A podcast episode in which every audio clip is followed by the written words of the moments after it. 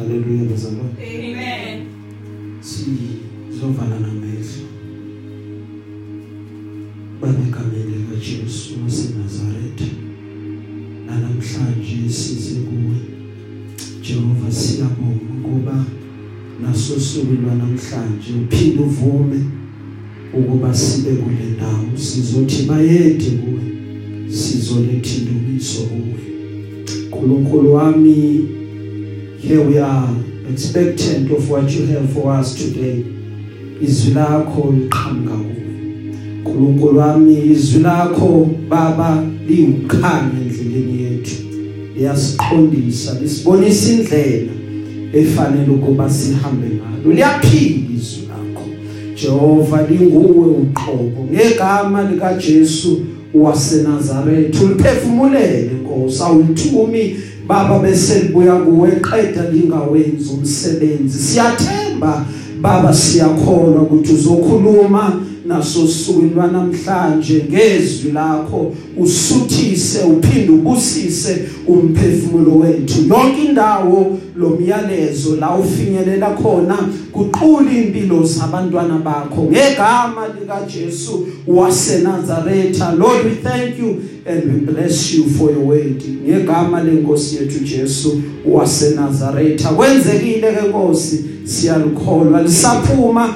Father God Almighty ukuthi alizokushiya sinjalo ngoKristu inkosi. Awu amen. Amen.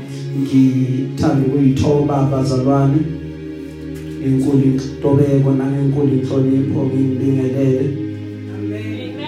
ngegama lika Jesu awu amen. Amen. sibonga ukuphumelela kwenu ngelihle igama lika Jesu amen Amen. sibonge kubazalwane abasibukayo nabasibukile manje every sunday bathatha isikhathi sabo basibuke ku Facebook ngelihle igama lika Jesu amen Amen. siyakholwa siyathemba ukuba uNkulunkulu uyaqhubeka uyanibusisa each and every sunday. Haleluya nabazalwana basilalelayo bazalwane. Abanye basilalela kuma podcast abanye basilalela via WhatsApp ngelithi igama lika Jesu siyabonga bazalwane. Eh siyakholwa ukuthi uNkulunkulu uyaqhubeka every Sunday ngokuthathela isibusiso. Amen. Glory be to God. Ningayeki ke bazalwane ukusikhulekela. Every time amagama ethu ningawakhohlwa umani kanjalo enkosini ukuze sizoqhubeka sambule imfihlo. Haleluya Paulo echaza indaba zikaNkuluNkulu ukuthi ziyimfihlo. Kwabanye ifihliwe kwabanye zambuliwe but make it a point ukuthi you always pray for us. Hallelujah. Because every sunday uma sabelana ngeindaba zakaNkuluNkulu. Akuyona into elula. Awuyi ngokwazi awuyithi ngokuthi mina ngijwayele. Cha bo kodwa umusa kababa uNkulunkulu. Nguyena ovula ovumayo aphinda avula umnyango. Haleluya aphinda kuphi izinto that you will share because abantwana bakhe bayayidinga. Haleluya because kahle kahle wena usuke uthunyiwe uyisithunywa uphathiswe lokhu oyofika ukulethe noma uzokudeliver ufike eqede kwenza umsebenzi kulapho la kusuke kuthunywe noma kuthunyelwe khona. Haleluya so every sunday ukuma phambi kwebandla lakaNkuluNkulu kuyasithobisa kakhulu bazalwane. Sithi uJehova muhle uJehova uthembekile. Awu amen. Siyabonga nakubazalwane abangakwazi ukuthi basijoyine ngama Sunday bazalwane kodwa niyazi nani ukuthi siyababhekela nalabo abangaphumeleli. Haleluya that is why sisenza inkonzo zibe live and sizama ukuthi at least by Tuesday sezikhona ku YouTube eh ku channel abantu ba subscribe bazalwane. Haleluya baloku beqhubeka bebuka nalabo abanga subscribe abangaka subscribe siyacela ngelihle igama lika Jesu haleluya zoqhubeka nibuseke amen. Na namhlanje we have a word from the Lord bazalwane. Sizofunda incwadi yezenzo the book of acts chapter 3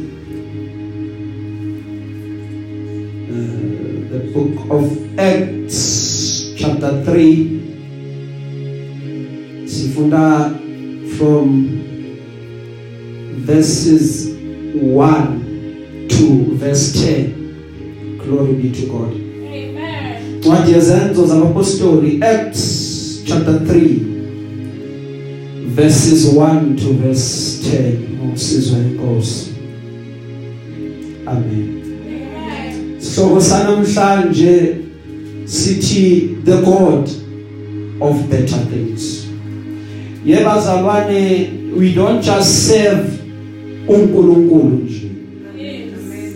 but uh, we serve the god of better things Amen. kunezinto impilo ekwamkelisana noma ekunikeza zona uze usijwayele lezi zinto kube izinto ezinormal kuwe Amen. uthi uma usuzijwayele lezi zinto uqhubeka uhlale nazo uzenze kube yinto kuwe enjani enormal haleluya Amen. but uthi ufika kwenye indawo wankela okungcono kunale yanto obowuyijwayele Amen. Besuzwe ukuthi hayi umehluko lo lento ihlukile ayifani nalento ezijwayele Amen. glory be to God. Amen. so the pattern of life iyayenza ukuba impilo izinto zihambe hambe sijwayele. Abakwazi ukukhuluma bathi leyo nto iyaye ibe yicomfort zone ube comfortable. Wenza izinto kube yiroutine. Abanye babuye bakhulume bathi zigcina seziba redundant because uyenza over and over and over and over without understanding ukuthi kukhona izinto ezingcono now kunezinto lezi sesamkeliswe zona sayijwayela. Namhlanje sizokhuluma ngokuthi kunoNkulunkulu esihamba naye. Lo nkulunkulu uyakwazi ukuthi asinikeze izinto ezingcono athi lokhu ngiyazi senijwayele but there is something else. There is something far greater than what you are used to. Amen. glory be to God. Amen. Eh njalo masishumayela bazalwane ningakhohlwa em injumayelo zethu ziveza abantu abathathu njalo. Noma sesingasashongo thina but ngithanda ukuba nibokhumbula njalo. Haleluya. Injumayelo zethu iveza uNkulunkulu uyise. Ziveza uNkulunkulu ndodana ziphinde ziveza uNkulunkulu moya oyingcwele usebenza nje kanjalo haleluya. Ngoba ushilo ezwini lakho wathi ababili noma bebathathu mabehlanganyele naye inkhona haleluya. So yonke into esiyenzayo siyenza ngoba iqhamuka kuyo uNkulunkulu moya oyingcwele asipha yona thina ile ifanele noma ilungele inamhlanje uma nizodibana njengebandla. Amen.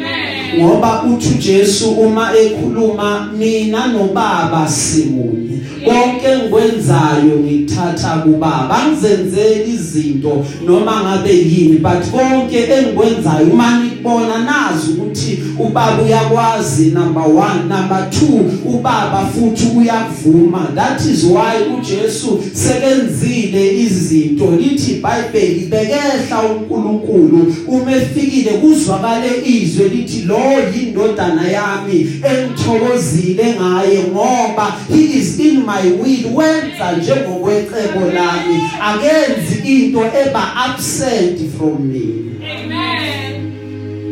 Glory be to God Hallelujah. hallelujah Amen. Jesu umefika bazalwane Amen. lithi iBhayibheli wafika kwabakhe Yeah. umefika kwabakhe Amen. lithi iBhayibheli abazange bamamkela Hallelujah. haleluya Amen. fikile kwabakhe Yeah. abakhe bangamthathi serious Yeah. Bathi hayi lento lomuntu thina sizwe Yes. praise be to the lord Amen. kwaqede kwavuleka umnyango ovulekela laba abanye bebakade bangaphandle laba abanye befanele ukuba bala- balahlwe noma kuthiwe abekho bakude nje noNkulunkulu ngoba uma beza they are unclean before God. Lithi ke iBhayibheli kuthiwe uma sesamkelile thina ukuthi uNkulunkulu siyamazi and sihamba naye number 2 unguNkulunkulu wethu. Lithi iBhayibheli laba bamaziyo uNkulunkulu wabo bayakwenza ibonakaliso. Haleluya and futhi bayakuba namandla. Siba namandla njani ngoba uNkulunkulu enables us to go out into the world and do great exploits. Haleluya uthi Jesu mekhuluma okholwa yini? Uyakwenza imisebenzi emikhulu. Oh kahle kahle le ndaba ilele ekutheni siyakhona. Nguye so ukukholwa kwethu enables us ukwenza izinto ezinkulu. Uma sibuka iministry kaJesu noma ilife kaJesu we see bekenza ama miracles. Abantu bamangala ukuthi hawu uNkulunkulu yakwazi ukwenza lokhu. Bese uJesu athi before ezohamba if you believe winani niyokwenza lokhu kodwa nizi ukugcina lapha nokwenza okukhulu even far beyond konke lokhu. Yini yini into enablayo yini into eyenza ukuba sikwazi ukwenza izinto ezinkulu ingoba samkeliswe insindiso. Ingoba siyakholwa thina. Glory be to god. So insindiso yethu ayiphelele uma ngabe. Kungekho ama miracles amanifestayo. Uma ingaqinisekiswa noma ingaconfirmwa ama signs ayiphelele. Ngoba insindiso eqaleni yamenyezelwa it was announced by uJesu maqeda yazoqinisekiswa yilabo bebakade bemuzwa. uNkulunkulu wazobuya ezoshaya istep kwamele ukuba azotestifya ngensindiso. Into eyenzeka uNkulunkulu wathuma ama signs kwaba khona ama wonders phakathi kwabantu. Kwaba khona ama miracles phakathi kwabantu. Waqeda umoya oyingcwele wanikeza abantu izipho njengangokuthanda kwakhe. Afakazela amandla ensindiso ukuthi ngempela insindiso ikhona. Amen. haleluya Amen. angithi uJesu mekhuluma nabafundi bakhe lithi iBhayibheli kuke kwenzeka. Bathandazela umuntu ongenwe yimoya emibi. Bathandazela umuntu okhwelwe amadimoni amadimoni angaphumi. Lithi iBhayibheli uma bemthandazela ngaphumi baqala ke babangumsindo abantu lapho kanti uJesu sendleleni uyeza. Lithi iBhayibheli uma efika wathi umsindo wani lo wathi ubaba wengane ngilethe umntanami kubafundi bakho but bahlulekile ukuba bakhiphe idimoni. uJesu walikhipha idimoni. Uma seqedile bambuza ukuthi thina Nkosi kanti sihlulwe yini ngoba ustrainile wena ukuba sikhiphe amadimoni ebantwini? Wabachazela uJesu ukuthi lela liphumi nje ngokukhuleka but liphuma nangokuthi umuntu azile ukudla angene ku fasting bese lithi iBhayibheli bajabula ukwazi lokho bahamba ke ngiyacabanga bayozila ukudla.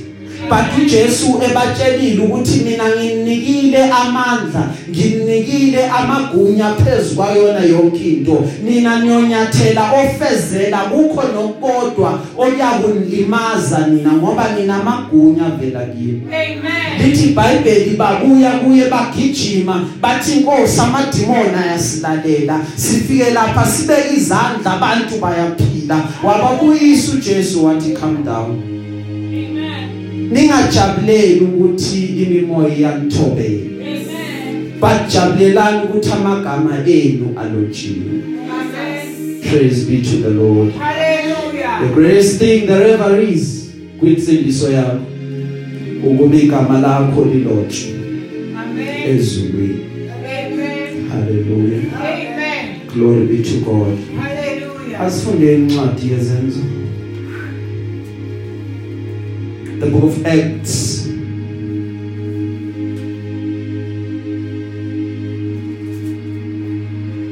Chapter 3, from verse 1, it reads as follows. Peter and John went to the temple one afternoon to take part in the 3 o'clock prayer service. As they approached the temple, a man lame from birth was begging was being carried in. Each day he was put beside the temple gate the one called the beautiful gate. So he could beg from the people going into the temple. When he saw Peter and John about to enter he asked them for some money.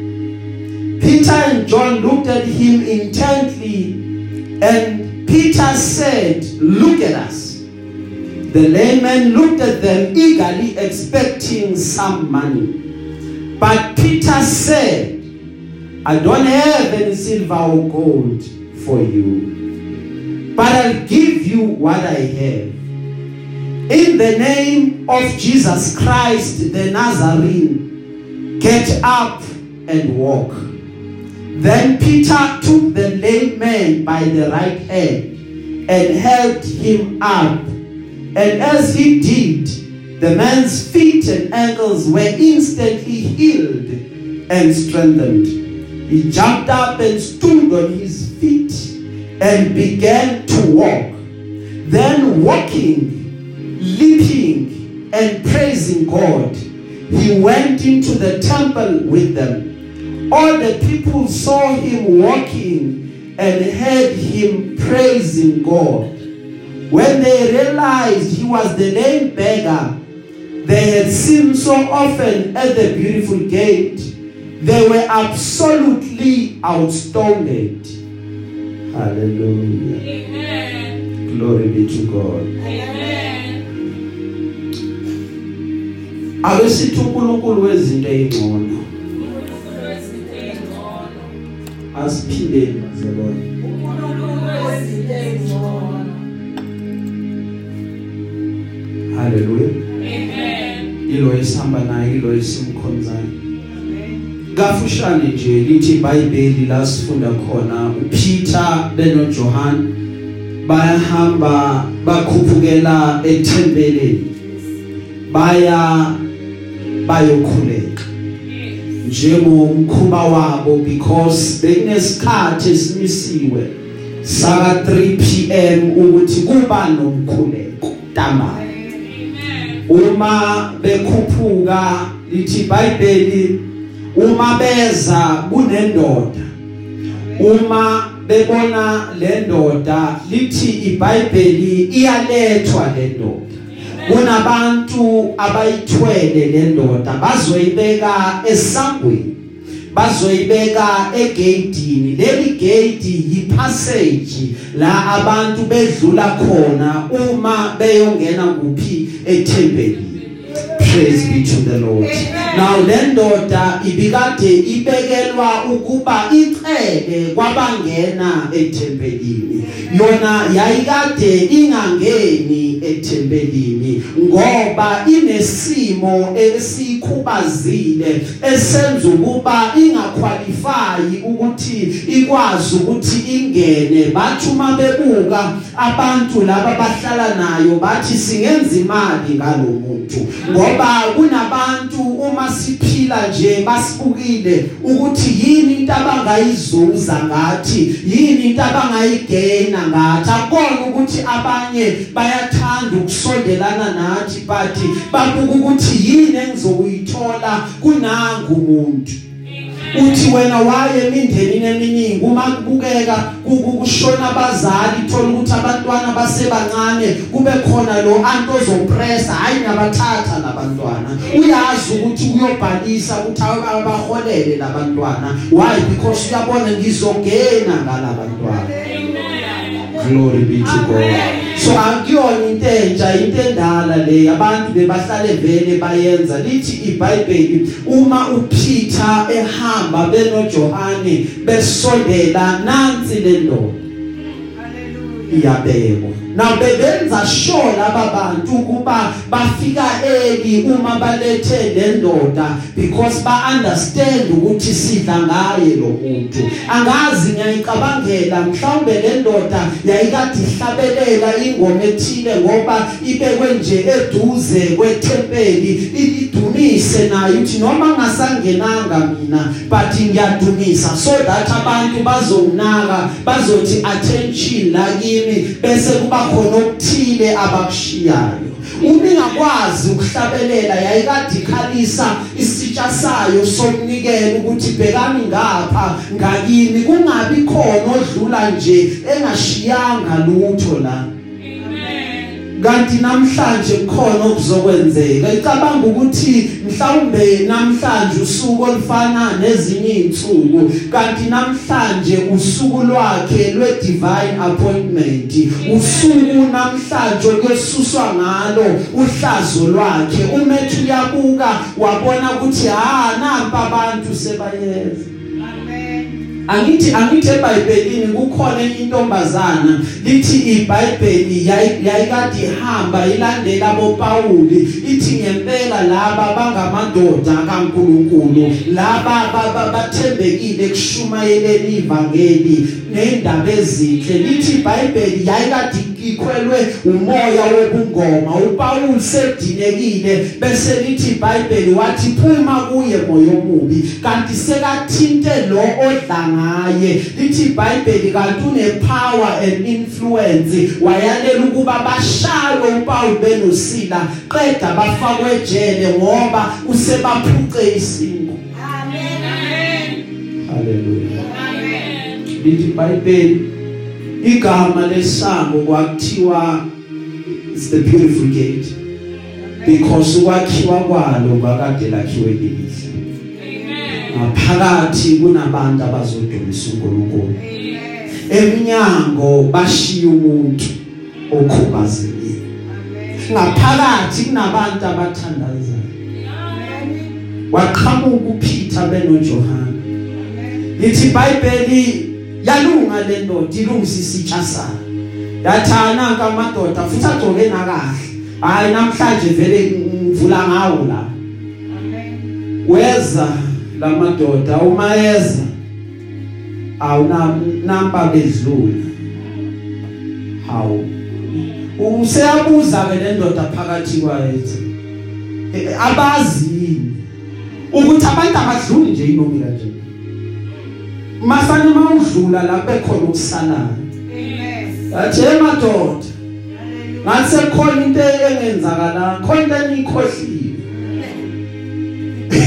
Bese lithi iBhayibheli ama lamadoda athi uyakhuluma insizwa yakithi yathi madoda uma ningazi ngihlala ngihleli la ngicela umnikelo akekho odlula ange angashiyanga lutho. Ngiyaye ngithanda ukuthi before bangena bashiye okuthile bangashiyi uma sebabuya phakathi ngoba bazobe bathi asena lutho sinikele konke phakathi. Amen.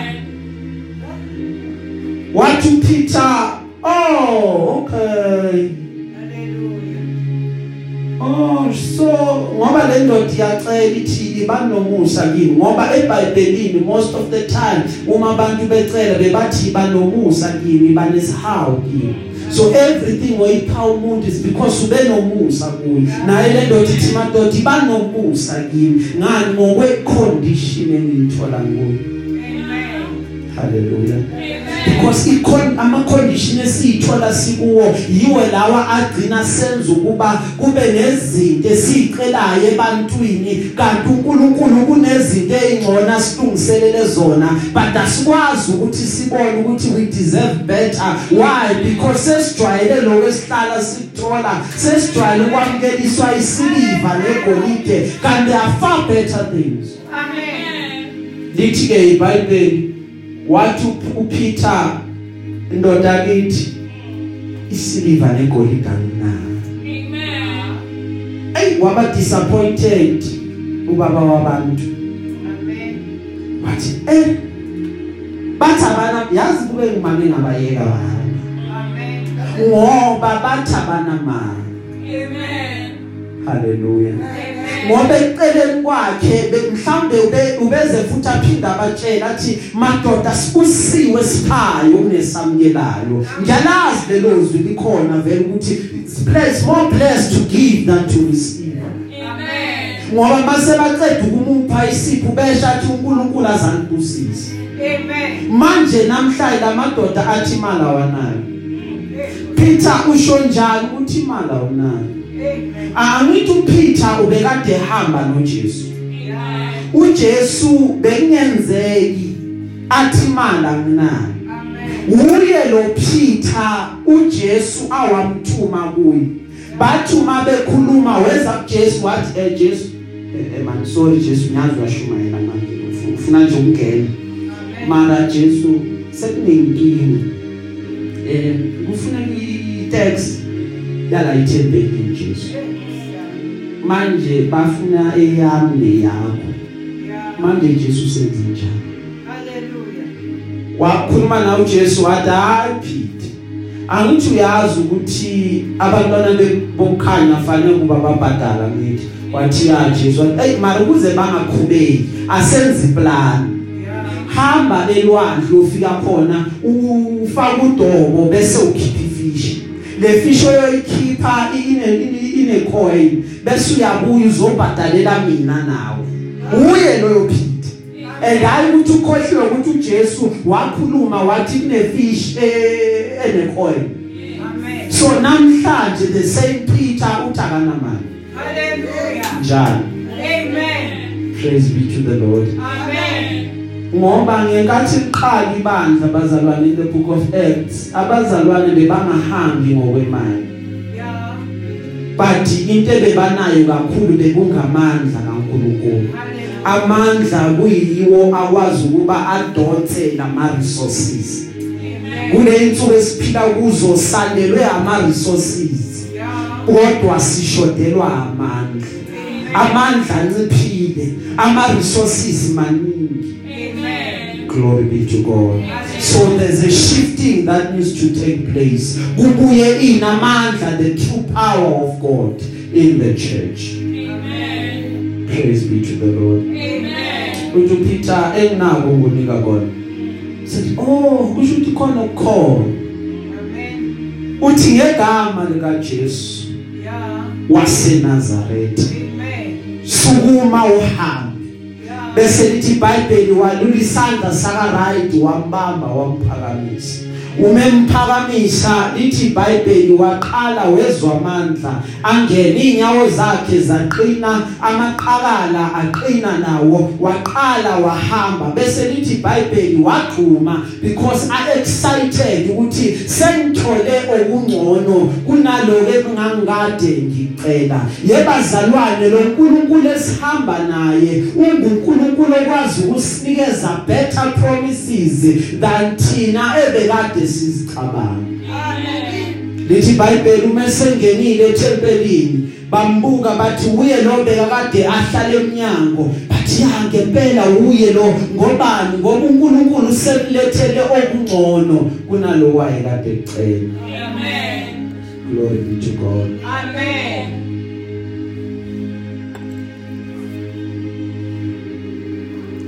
there's a man in the Bible you must Amen. Lithi iBhayibheli lendoda yazalwa ingaboni. Yeah. uma izelwe ingaboni. Bese lithi iBhayibheli. Wafika uJesu wazoyiphilisa wayenza yabona? Waqede wayithuma e- e- emfuleni. Uma zoyenza ukuba ibona ngithi wayithuma emfuleni wathi hamba ogeza yahamba yayogeza yaqala yabona le ndoda. Uma isibona yabuya babuza ukuthi u- u- umfana wenu lo babuza abazali bakhe umfana wenu lo sebona bathi abazali yebo umfana wethu bakuze kanjani ukuthi abone? Lithi iBhayibheli bathi abazali bakhe asazi thina buzani yena. Bese lithi iBhayibheli wathi kunendoda ogama layo linguJesu efikile ngingaboni yangenza ukuba ngibone. Now why bebakade bambuza? Yingoba akunabantu abangajabuli ngokusizakala kwakho. Amen. Kunabantu abajabulela ukuthi njalo wena ucela kubo. Wena awukazenzeli lutho. Ithi le ndoda angazi ukuthi lo muntu uyisoni yini. Ukhuluma ngoJesu. Because ukuthi lo muntu okwenze wabona uyisoni uthi angazi.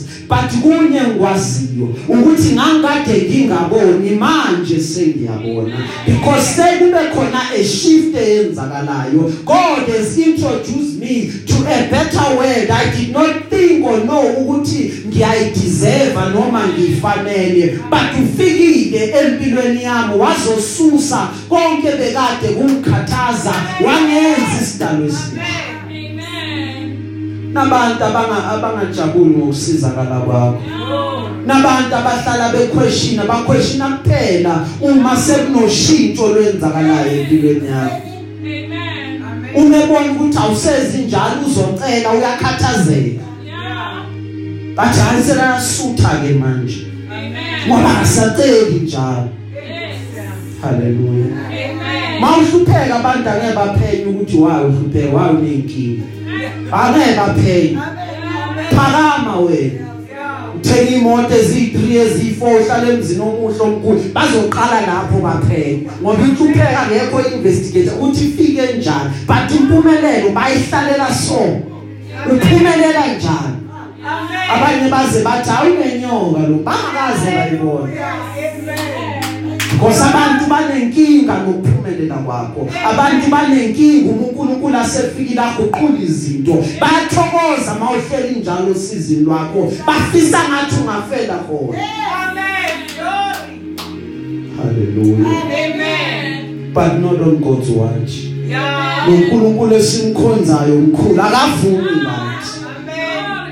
Ngelinye ilanga uJesu uyahamba lithi iBhayibheli umehamba aqhamuka amadoda ayishumi eza kuye but awafiki close kuye. Lithi iBhayibheli wamemeza wathi Jesu sizwe because wena ungumuntu womusa.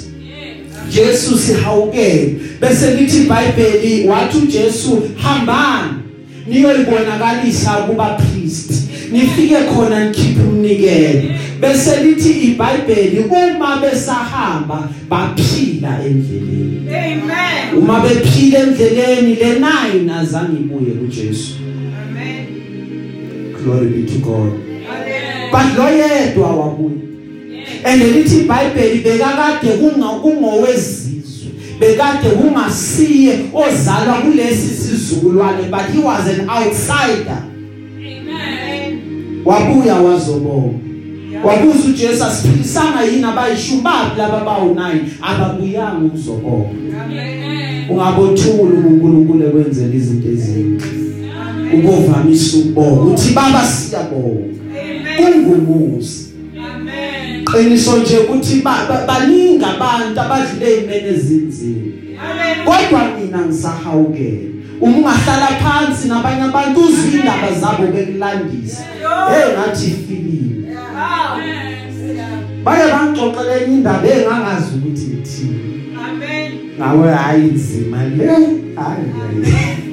hallelujah Amen. so the more you stay with people you realize ukuthi badlule imene ezinzima Amen. kuwe noma ngakalungu kuyaphathi kungcono Amen. bonga uNkulunkulu Glory. Amen. praise be to the lord Amen. ngelinye ilanga uJesu uyahamba nabafundi bakhe. Amen. umehamba nabafundi lithi iBhayibheli kwaqhamuka owesifazane waseKhanani. Wamemeza Jesu ngihawukele ngoba uJesu uyaphilisa. Jesu ngizwele. Bese lithi iBhayibheli wangamnaka waqhubeka lo wesifazane. Waqinisa lo wesifazane. Ngizwele Jesu. Lithi iBhayibheli azange mnandi baze bathi abafundi Jesu yenza okuthile mxosho kungenani waze wasondela lo wesifazane wathi Jesu ngicela ungenzele umusa ndodakazi yami yagula wena kuphela ungamsiza wena kuphela ungayisindisa siza uJesu athi angikwazi ukuthatha ukudla kwabantwanyana ngikunikeze izinja. Haleluya waphendula owesifazane. Lithi iBhayibheli wathi nezinja ziyazidla imvuthuluka eziwetafuleni lomninizo wabe uJesu wathi jo ayisifazane ukholwa kwakho ukukhulu mabekuwe njengokusho kwakho ngoba eqaleni bazalwane insindiso yayenzelwanga thina umnyango kukade ungakavulelwa thina but bekade uvulelwe uJuda. Kodwa uJuda wadlala ngensindiso wangayithathele ekhanda indaba kaJesu kwabese kuvula umnyango because laba bezizwe yibona abayithathela koptu bangena basizakala baphila because bewabona amandla kaJesu. That's why no Paul umekhuluma uthi mina ngumpostoli wabezizwe ngibizelwe ukuthi ngiyoshumayela ivangeli to the gentiles because ama gentiles aseyalibona ukuthi lawa amandla kaNkuluNkulu lamandla ayaphiliswa. Naw sasondezwa thina savulela umnyango sabuyiswa saba closer to God.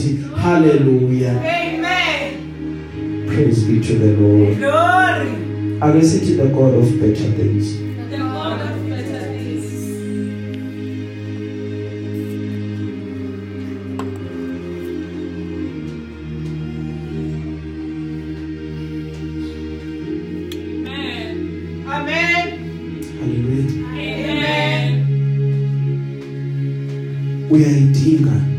uma ungakafiki lapho uyayidinga insindiso Amen. uma usadebeseka uJesu uyamdinga Amen. umhlaba kubi kakhulu Hallelujah. ukuthi ungaqhubeka uphile uJesu angasiyo inkosi nomsindisi Hallelujah. kwempilo yakho Amen. lithi iBhayibheli wabazela bonke haleluya Amen. ukuze izizwe ngezizwe isindiso ukuze izizwe nezizwe zamkele ukuphila because kunezinto esinganamandla kuzo unless uNkulunkulu angenelela uyadundi Amen. glory be to Jesus.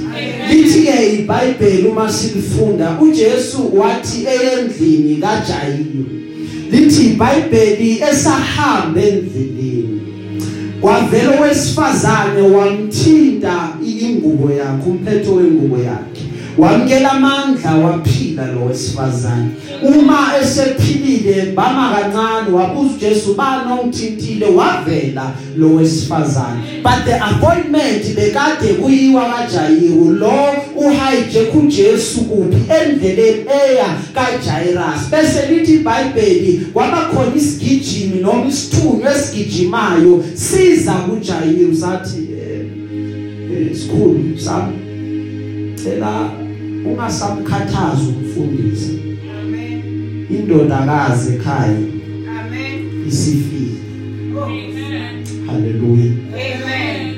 bakithi iBhayibheli uJesu wathi ungakhathazeki indodakazi izophila Amen. ngoba uJesu uvuka nokuphila abakuye abafi abakuye bayaphila haleluya bese lithi iBhayibheli uma efika ekhaya wathola abantu laba bakhalayo lithi iBhayibheli uma the more beqhubeka bekhala wathi ngikhalelani phumani. But lithi iBhayibheli bamhleka usulu bathakazi lo muntu ukhuluma ngani. Ngoba ukufa sekufikile ukufa kuqobile. Kanti abazi bakhuluma nomuntu onamandla ovukufa okwazi ukuthi akunqobe ukufa okwazi ukuthi athi wena kufa unamandla phezulu Amen.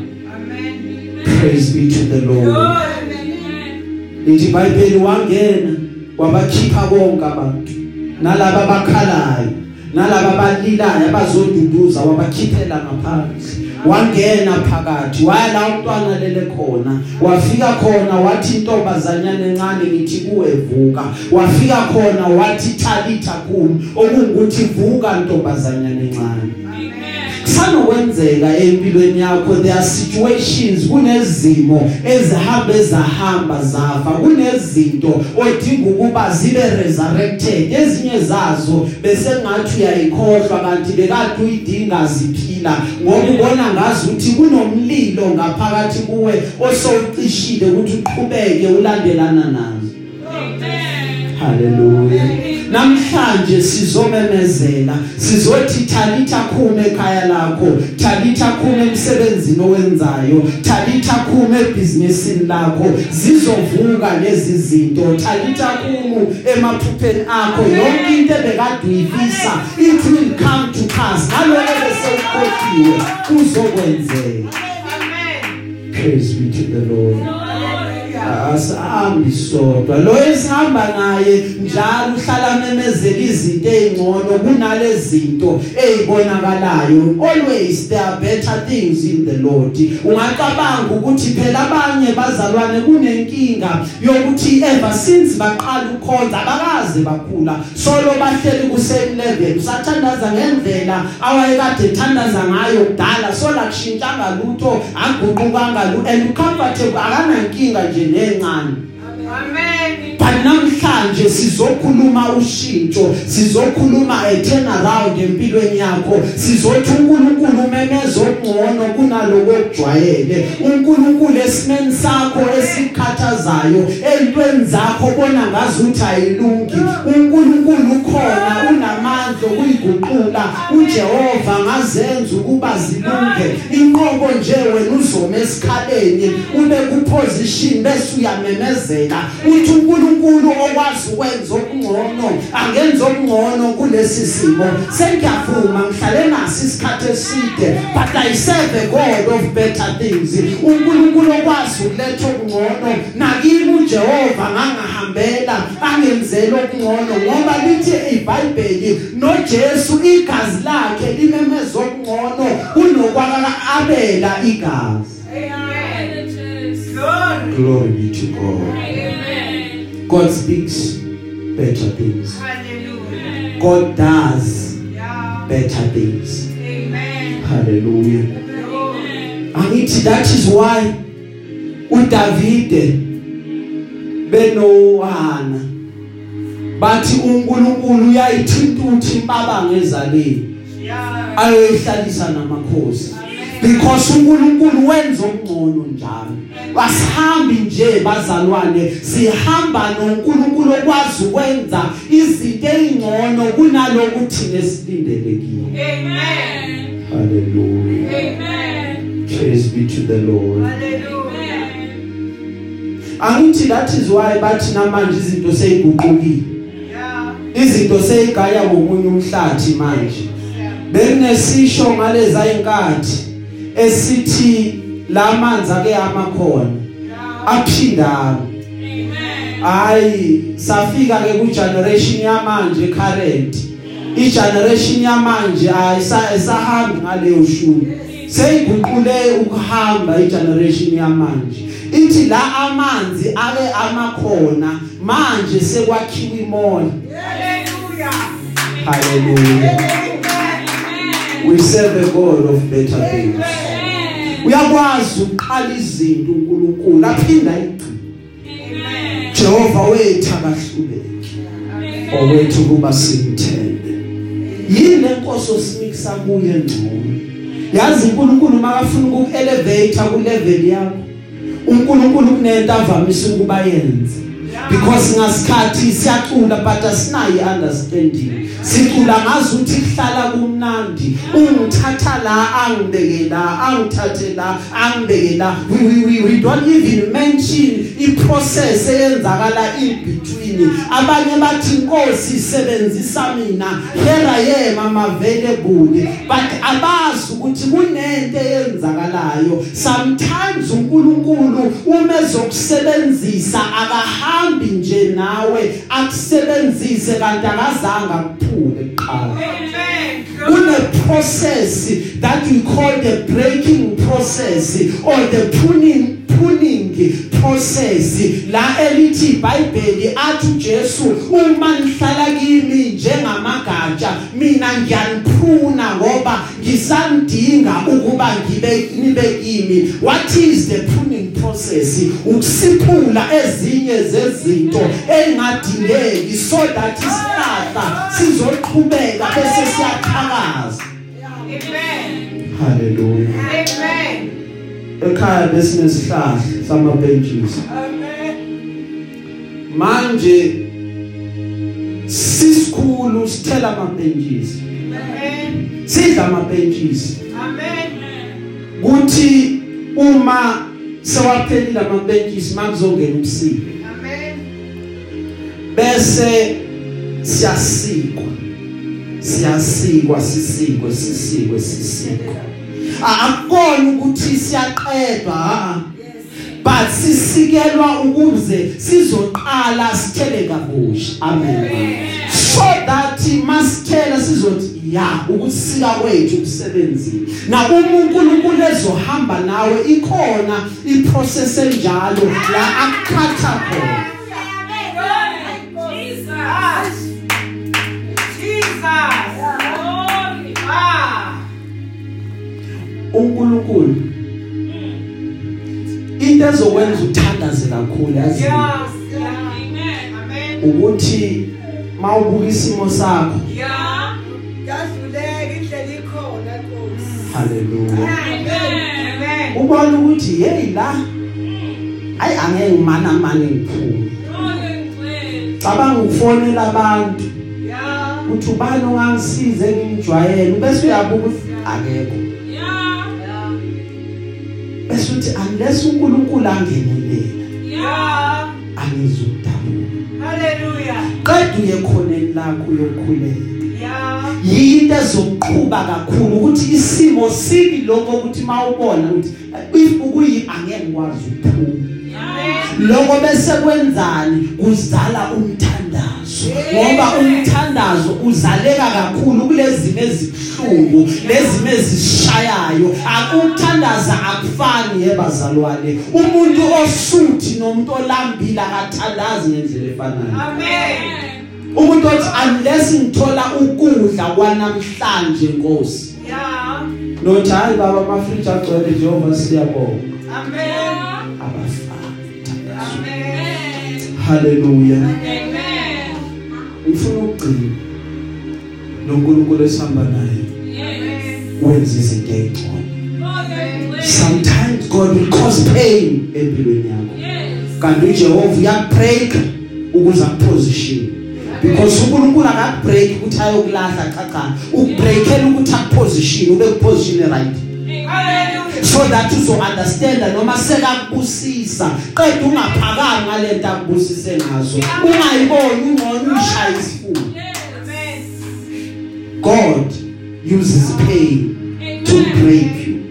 God uses pain to push you. Eyintweni ezingcono wonke umuntu othola lento abathi yi breakthrough bekufanele ukuthi aqala adlule ebhlungwini angabe understand azayibuze kwesisikhathi Nkosi why ungidlulisa lana? Why Jehova ungidlulise ehlane la kwahlonga sibi kanti uNkulunkulu uyakwazi ukwenza indlela ehlane he is the God of better days Yeah. lithi iBhayibheli sesigcina Yeah. encwadini kaJohn Yeah. Bekade kunomshado.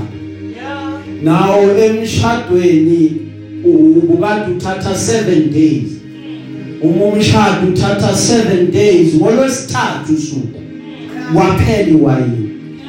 Kodwa kwaba kuhle ngoba uJesu bekade emenyiwe nabafundi bakhe. Ekhona kanye noMaria emshadweni. Now lithi iBhayibheli ubengakaqali ukupractice noma ukwenza ministry yakhe. Haleluya lithi iBhayibheli makuphela iwayini umama wakhe waya kuye wathi Jesu abanali wayini bona ukuthi wenza njani. uJesu wakhuluma naye okwakhe okuyiyela le wathi mama ungene ngani kokwami? But lithi iBhayibheli akazange mnako Maria. Amen. Wabuyela kuzikhonzi wathi nayi kupha kushoyo anokwenza. Bese lithi iBhayibheli wathi thathani imigqomo eyi6 ejwayele ukuphatha amanzi okugeza nithele kuya amanzi. Bese you draw from lawo manzi lawo nithathe nimikise kumphathi wokudla azwe ukuthi kunjani. Amen. bese lithi iBhayibheli bakwenza lokho bathatha bamikisa kumphathi wokudla ngoba lezisebenzi ziyazi ukuthi lamanzi aqhamukapi zafike zamnikeza wathi uthi uyaphuza wathi yo.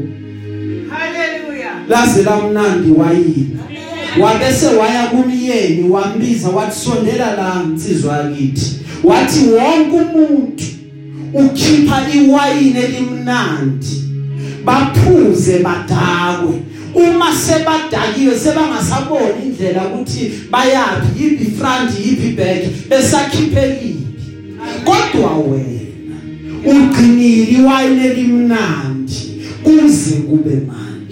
Lo nkulunkulu esihamba naye bazalwane he is able uqala izinto. Kubonakala zingathandeki. Bathi babuka bacabanga ukuthi awuyi kuba into yalutho. But uJehova ngoba ekusebenza uJehova ngoba ebheka ikhaya lakho uJehova ngoba ebheka impilo yakho. Aloke guqule guqule guqula. Bamangale ukuthi hawu usagcinwe yini? Besithi yohamba hamba phele besithi indaba yakhe ayikho uNkulunkulu esihamba naye wenza make sure ukuthi aqalile uyagcina. That is why ngimthanda mina. Ngoba uNkulunkulu esihamba naye akaphelelwa. Ucabanga ukuthi lokho kunako ku right kukulungele. Kanti uNkulunkulu sakubizela to better things. He is God after all. Amen. Hallelujah. glory be to God. Amen. Baliphuzi wayini Yeah. enguthandayo ngewayini Yeah. ukuthi bathi the older it gets Yes. the sweeter it becomes Amen. so uma iwayini liba lidala Yeah. liba mtoti kakhulu Hallelujah. kunezinto phakathi kulo ezibreakayo now a- aba- abaliphuza iwayini abaphuzi nje lamabhodlela wamanje wango 2020 chabo abalazi kahle iwayini Amen. bathi nginikezelele na 20 years ikhona Hallelujah. because you understand ukuthi the older the wine Yeah. the sweeter it gets so uNkulunkulu kunento nawe azokwenzela yona sesigcina namhlanje. The more uhamba noNkulunkulu God will make you to mature with age. Hallelujah. uNkulunkulu uyokwenza make sure ukuthi you grow in wisdom and in stature before him and before men Hallelujah. glory be to God. Amen. sifundo sethu sanamhlanje. Amen. sizophelela Ngoba yikho sizofunda kwezwi ayi. Amen. Awu amen. Hallelujah.